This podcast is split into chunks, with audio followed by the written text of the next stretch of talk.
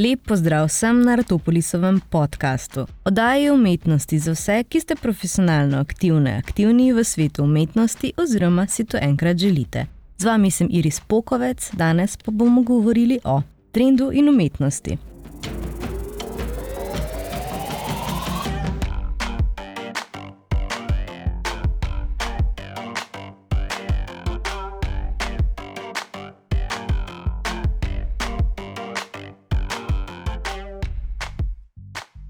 Kaj je moderno v umetnosti? V pogovorih o umetnosti lahko pogosto naletimo na omembo trenda.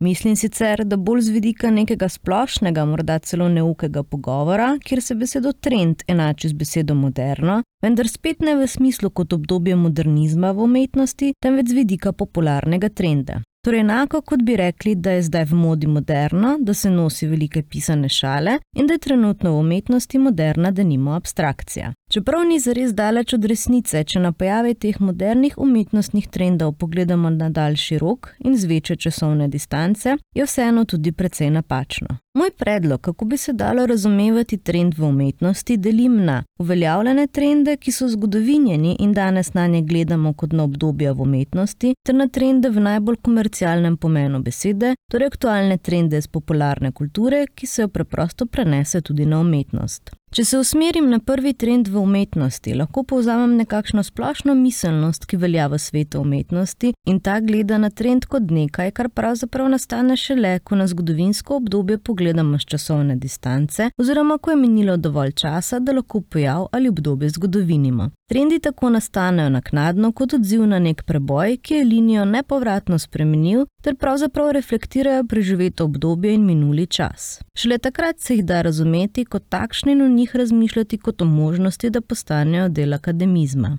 S tem pojmovanjem se v osnovi popolnoma strinjam, vsekakor pa vidim tukaj priložnost za omembo še drugega načina dojemanja trenda v umetnosti, ki je sicer za mnoge lahko sporen, saj ne govori zares o umetnikih, umetniških delih in umetnosti, je pa vsekakor, če dalje bolj oziroma je po mojem vedno bil, prisoten.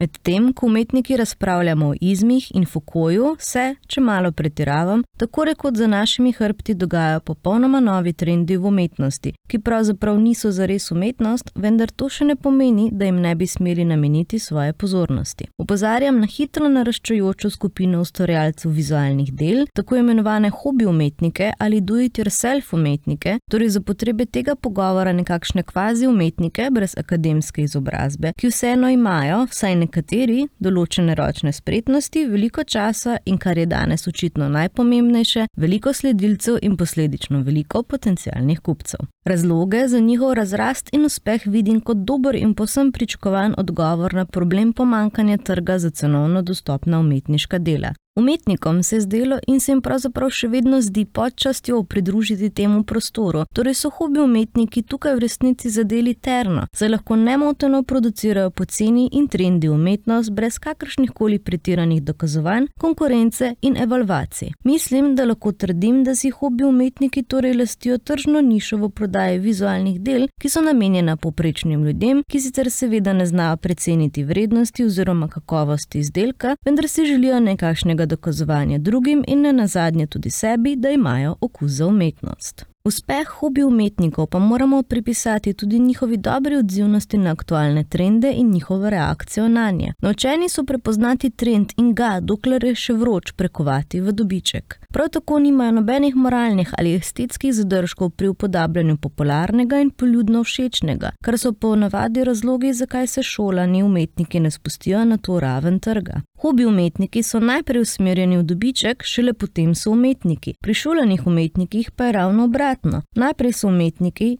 in še ne na to trgovci. Razliko med tema skupinama ustvarita izjemna osredotočenost na razstavljanje in institucijo strani šolanih umetnikov in izključno tržno usmerjenost strani hobi umetnikov.